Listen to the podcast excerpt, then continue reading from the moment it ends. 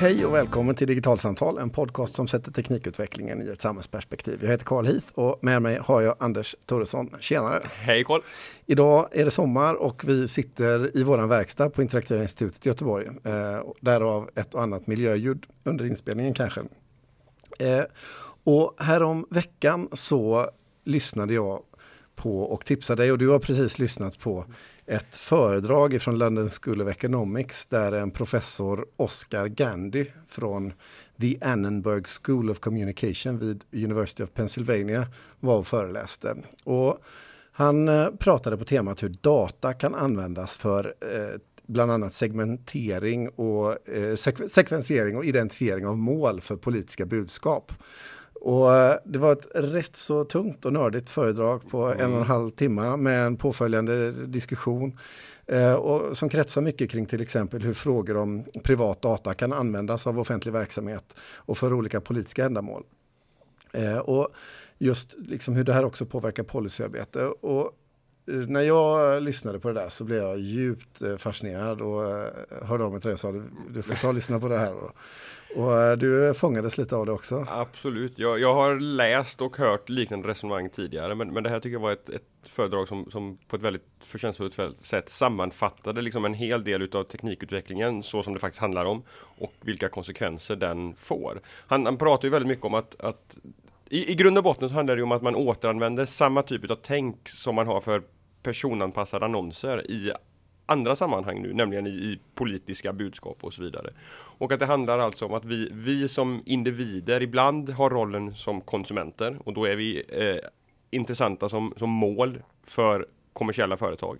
Men vi är också medborgare, vilket gör oss intressanta som som väljare i ett val, en, en målgrupp för ett politiskt parti och hur, hur då de här olika typerna av aktörer i samhället kan använda ungefär samma teknik för att identifiera vilka personer vi är och anpassa ett budskap då antingen för att sälja en vara eller för att sälja en politisk idé till oss som vi förhoppningsvis ska agera på. Ja, och sen var han ju också inne på eh, också hur myndigheter kan använda den här typen av data för att eh, fine-tuna tjänster eller erbjudanden eller budskap och, och så vidare. Eh, och eh, det var lite, jag blev fascinerad, det var helt uppenbart att han har eh, hållit på med det här sedan tidigt 80-tal och uh, hade rätt så djup kunskap om området. Så vi kan väl säga på en gång att eh, tycker man att de här frågorna är intressanta så eh, finns länken till föredraget i shownotesen på digitalt Väl värt att lyssna på. Jättespännande. En, ett begrepp man pratar om i det här sammanhanget det är mikrotargeting. Det vill säga att eh, tidigare när man försökte nå ut med ett budskap, antingen ett kommersiellt budskap för att sälja reklam eller ett politiskt budskap eh, för att sälja en idé eller annan så eh, var man tvungen att, så att säga, eh, skjuta med den breda hagelbössan. Man kunde liksom inte nå en individ med en specifik åsikt eller sådär. Men idag med hjälp av data och stora mängder data så är det möjligt att göra målgrupper för ett visst budskap väldigt, väldigt små och att nå en person väldigt specifikt baserat på idéer och föreställningar som just den personen har eller en väldigt liten grupp. Och det här förändrar ju, om man pratar i synnerhet det politiska landskapet och, och hur man sprider en politisk tanke. Det förändrar ju så att säga spelreglerna lite grann kan man säga för hur, hur det går till. Mm.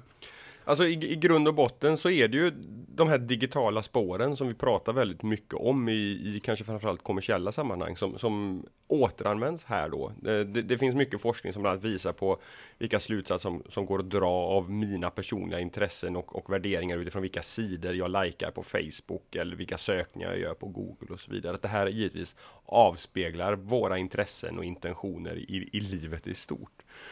Och precis som du säger så det här att dela upp eh, samhället och oss medborgare i olika demografiska grupper för att kunna rikta ett budskap som, som passar oss i, i, inför ett, ett, politiskt val, att, att, identifiera vilka som är bilägare och, och driva liksom bilägarfrågor gentemot dem, vilka som är, ja, vad, vad, vad det nu kan vara. Det, det, har gått att göra och det är ingenting nytt. Det har ju politiska partier och politiska kampanjer byggt på väldigt länge. Men det nya här då, det är ju det här att, att det går att göra den här segmenteringen så otroligt mycket smalare och mindre, att man kan veta vem som du, du, du, du, kan göra grupper som kanske är 10 eller 20 personer stora. Och det, och det intressanta här är ju att det här är ju tekniken som, som möjliggör inte bara därför att vi har en, en datamassa som är tillräckligt stor för att vi ska kunna göra den här segmenteringen på ett bra sätt, utan också att, att tekniken gör det möjligt att på ett billigt sätt använda den här datan och göra de här små grupperna även i nästa steg, nämligen att, att sen både skapa det här politiska budskapet så automatiskt som möjligt. Du kan inte ha en copywriter som sitter och skriver eh, kampanjmaterial till tio personer i, i stöten, men kan du, kan du automatgenerera det? Och sen också då givetvis nå ut med det via de plattformarna som finns. Du kan inte, du behöver inte göra massa trycksaker och så vidare, utan du kan göra det här i, i digitala kanaler istället. Och, och ett av skälen till varför det här har blivit intressant eh, de senare åren, det är ju såklart för att algoritmer för att kunna göra den här typen av analyser har blivit allt mera kraftfulla. Men också såklart för att mängden data som skapas eh, har ökat så oerhört mycket att det nu går att nyttja den på, på helt andra sätt. Eh, eh, jag tog del av eh, data ifrån eh, analysföretaget Domo eh, för 2015 som eh, eh, uppskattar datatrafik bara för att få en känsla av storheter per minut på, eh, i produktionstakt på internet. Och, eh, vad, vi kan, vad, vad de säger då det är att ungefär 200 miljoner skickade e-brev skickas per minut och 4, 4 miljoner Google-sökningar görs.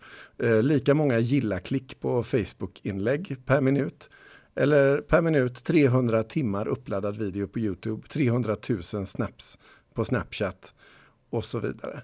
Det är ju enorma mängder information som jag, när jag eh, och många alla andra skapar den, kanske inte har idén och föreställningen om vid det tillfället att den här datan kommer användas av en tredje part för den här typen av analyser. Ja, och, och, det intressanta här är ju också att det, dels är det här då data i form av metadata som det kallas för, alltså information om data, att jag likar ett visst inlägg. Jag, jag ger inte ifrån mig jättemycket information där kan man tycka egentligen, men bara den kunskapen om att jag har likat det här inlägget går att använda och analysera när datamängderna blir tillräckligt stora. Men sen också att, att eh, textanalys blir datorer bättre och bättre på. Så att det går ju även att till exempel i Twitterinlägg som, som sker offentligt för det mesta analysera eh, innehållet i själva, själva tweeten. Inte bara när den är skickad från vem utan också eh, vad den handlar om och tonläge och tonalitet och så vidare.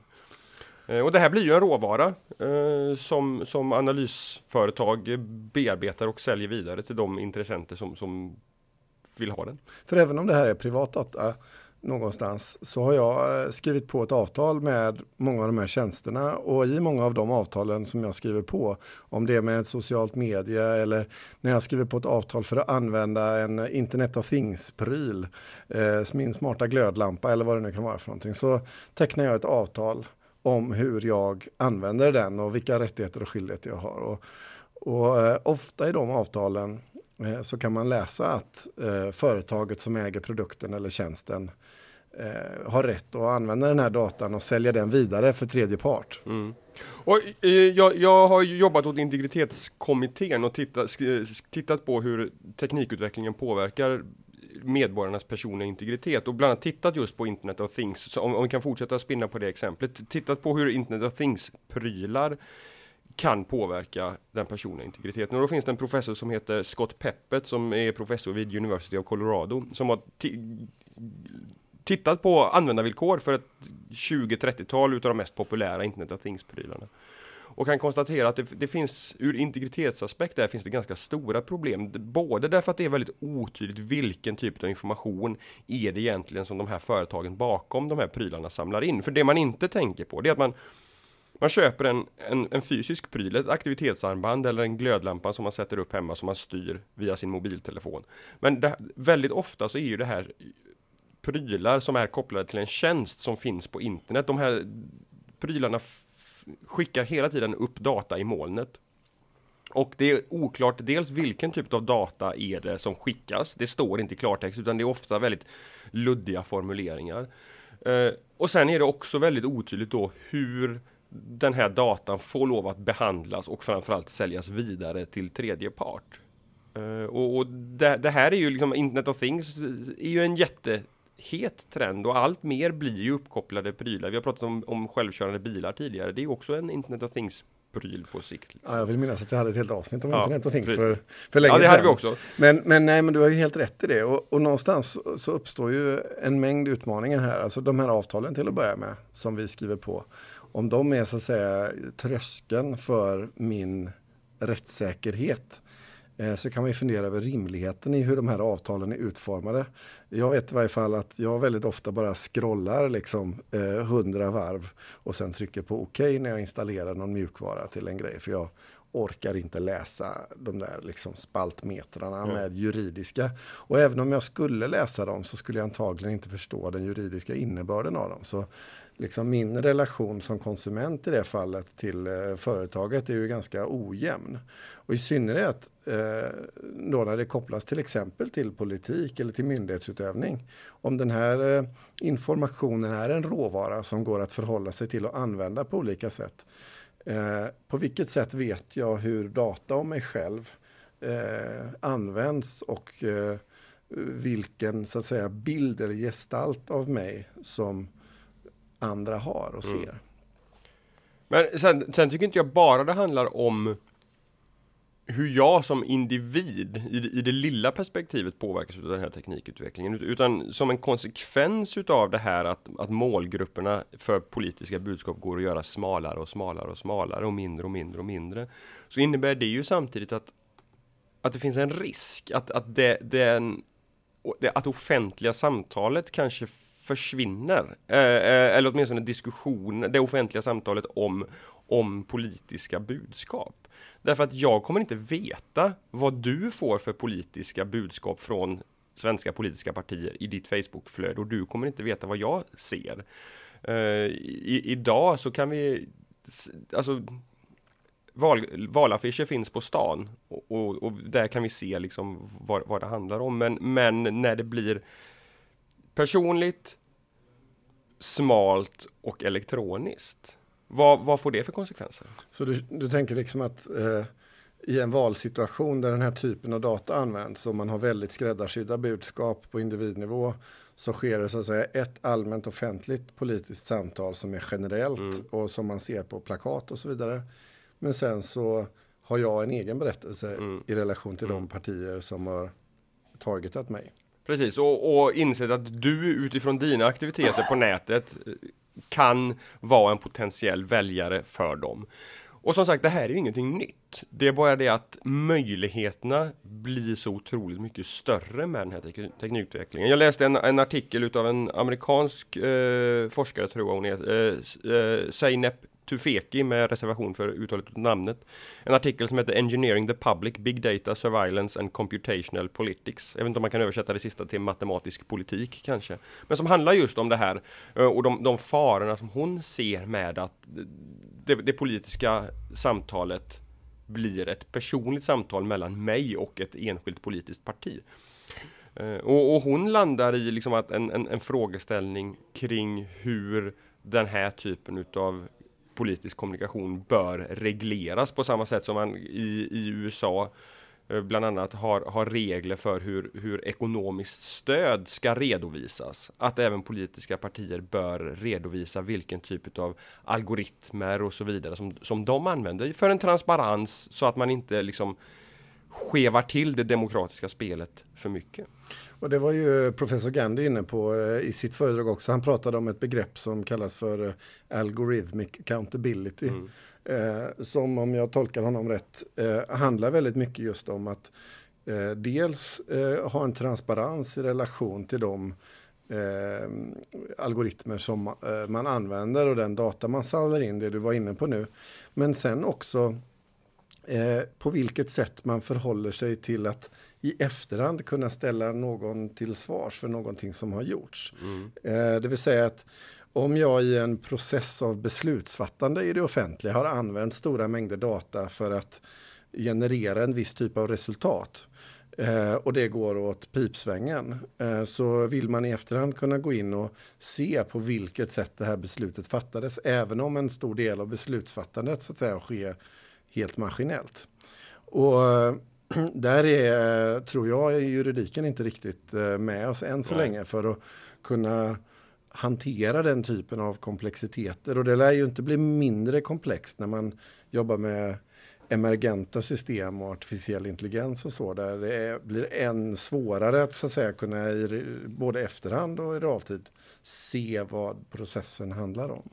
Efter Oscar Gandys eh, föreläsning så var det en professor som heter eh, Louise Amore som var utvald att, ah, jag vet inte om opponera är rätt, rätt uttryck i sammanhanget, men, men att åtminstone reflektera över hans, hans föreläsning. Och hon, hon är professor i Eh, Global Geopolitics and Security. Och hon refererar till en sak som, som jag studsade till på ganska mycket. Hon, hon har gjort intervjuer med olika eh, IT-utvecklare och, och, företag och så vidare. Och, och, där var det en person som hon hade pratat med som hade gjort en, en algoritm för någon, någon slags finansiell analys som berättade att han hade upptäckt att, att samma algoritm, samma liksom matematiska modell som, som han hade skapat för, för finansiella studier nu hade tillämpats i eh, någon slags gränskontrollsystem för att analysera data och fatta beslut i en, i en passkontroll om jag förstod situationen rätt. Och han, han var ganska upprörd upplevde jag henne som att, att hans han, han, han insåg att hans modell är inte anpassad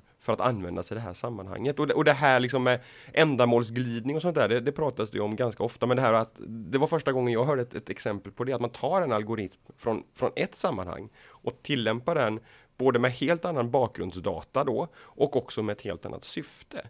Och det där, alltså apropå det här med algorithmic accountability då, att, att faktiskt förstå vad en algoritm är och att den tillämpas i det sammanhang som den är utvecklad för att användas är ju jätteviktigt. Och även om det skulle vara så att den här algoritmen funkar utmärkt att använda i ett annat sammanhang. Eh, jag har hört talas om exempel på där man till exempel använder eh, modeller för hur flöden i ett trafiksystem ser ut för att bättre förstå flöden till exempel i eh, en vårdsituation med vårdköer och så vidare. Och att det finns likheter i de här systemen som inte är uppenbara för de som använder dem. Men när man ser på hur modellerna ser ut så finns det stora paralleller att dra och så vidare. Ehm, och det, det, kan ju mycket väl vara så att det där är en modell, ett sätt att jobba på eh, med data och med eh, modeller för data som visar sig faktiskt vara ganska bra. Eh, men jag håller helt med dig om att i det fallet som man gör på det viset och jobbar utifrån att, så att säga, ta en idé från ett domän och tillämpa den i ett annat domän så behöver det finnas en väldigt hög grad av öppenhet. Och man behöver rimligen eh, jobba ganska mycket med testning och, och så vidare för att kunna se så att det där, att det där fungerar. Mm. Eh, men annars så och det, och det, är väl just det som, eh, som begreppet accountability mycket handlar om. Det är kanske inte principen i sig självt att ta en modell från ett domän och stoppa den in i ett Nej, annat precis. utan snarare hur går det till när man gör det och finns det en tydlighet och öppenhet i, i eh, hur, det, hur det går till. Men, men jag tänker samtidigt att har man väl ett sånt formellt granskningssystem av algoritmer på plats så tycker inte jag att det är nödvändigtvis, alltså nu, nu låter det som att vi är väldigt rädda för vad den här utvecklingen för med sig. Men jag, men jag kan också se att, att åtminstone när vi kommer till offentligt beslutsfattande, att det kan finnas stora fördelar med det här. Därför att eh, en algoritm kommer utifrån eh, viss indata alltid fatta samma beslut. Och har man då liksom, är man då bara överens om och har granskat och, och, och sett att algoritmen faktiskt fattar rätt beslut givet viss indata. Så jämfört med en, en mänsklig handläggare på en myndighet som kan vara trött, som kan ha en dålig dag, som kan vara arg på chefen eller vad det nu kan vara. Jag vet inte. Så, så kan man vara säker på att algoritmen fattar det beslutet som lagen faktiskt säger att att beslutet ska vara. Att det blir ett sätt att formalisera lagens intentioner på ett tydligare sätt.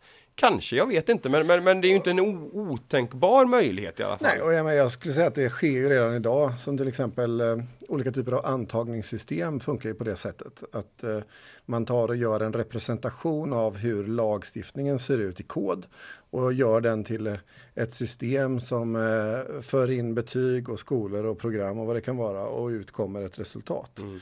Eh, och där är det ju precis på det viset. Den kommer ju exekvera det hela på precis samma sätt varje gång.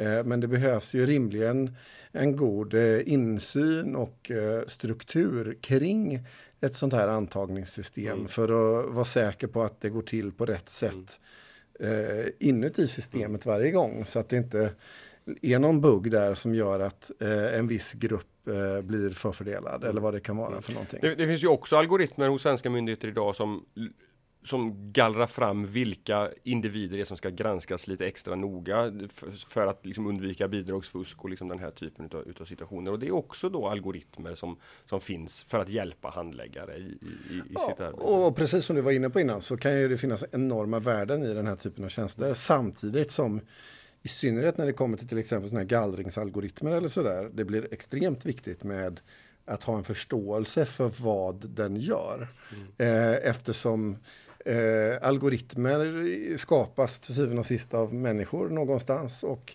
eh, de föreställningar vi har och för med oss in i ett system kan ju när datan skalas upp och algoritmer används i större omfattning kan ju effekterna bli oerhört mycket större. Eh, ja men absolut. Så, så det är ju verkligen på eh, ja, både för och nackdelar. Men sen en annan fördel som vi inte heller har pratat särskilt mycket om det är ju möjligheten till verkligen personaliserade resultat. Eh, om en, ett system vet mycket om mig så blir det ju möjligt för systemet att på ett positivt sätt lösa problem och uppdrag, uppgifter för mig som eh, gör min vardag lättare. Mm. Och eh, det ska man absolut inte underskatta. Den typen av algoritmer finns ju runt omkring oss precis hela tiden. Nu till exempel för inte särskilt länge sedan så lanserade Facebook en ny algoritm i sitt bildigenkänningssystem. De har en artificiell intelligens som analyserar bilder i Facebook och kan föreslå vad det är bilden visar med hjälp av text. Och det gör ju att Facebooks bilder helt plötsligt blir tillgängliga för personer med synnedsättning. Och eh, öppnar upp en helt ny värld för dem där de bokstavligen talat kan se, se, vad det är andra ser på bilder baserat på vad den algoritmen ger för förslag. Och i det fallet så använder ju den här algoritmen enastående mängder bildmaterial och så vidare för att kunna ge en god rekommendation.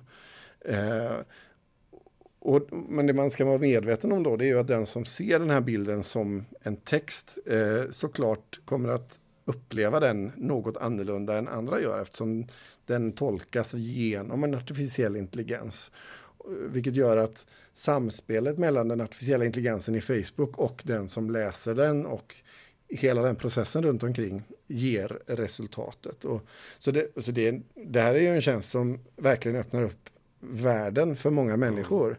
Men eh, där de eh, också hamnar i relation till en algoritm och en artificiell intelligens som, som eh, Facebook eh, äger och kontrollerar och som absolut inte är öppen. Nej, precis.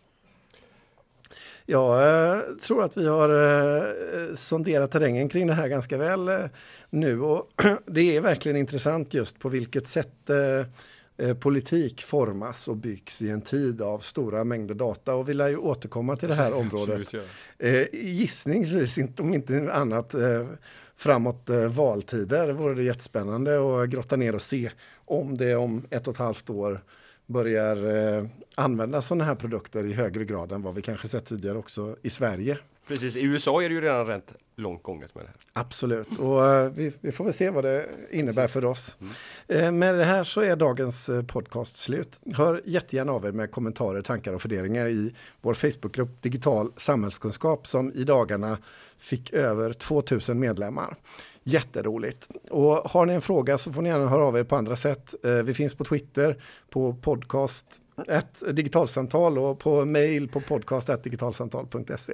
Och är det så att ni prenumererar så får ni jättegärna ratea oss i de olika typerna av system ni använder, iTunes eller andra. För ju mer ni ratear oss, desto högre upp hamnar vi i olika sökresultat och ju lättare blir det för andra att hitta till oss. Men till nästa gång, hej då! Hej då!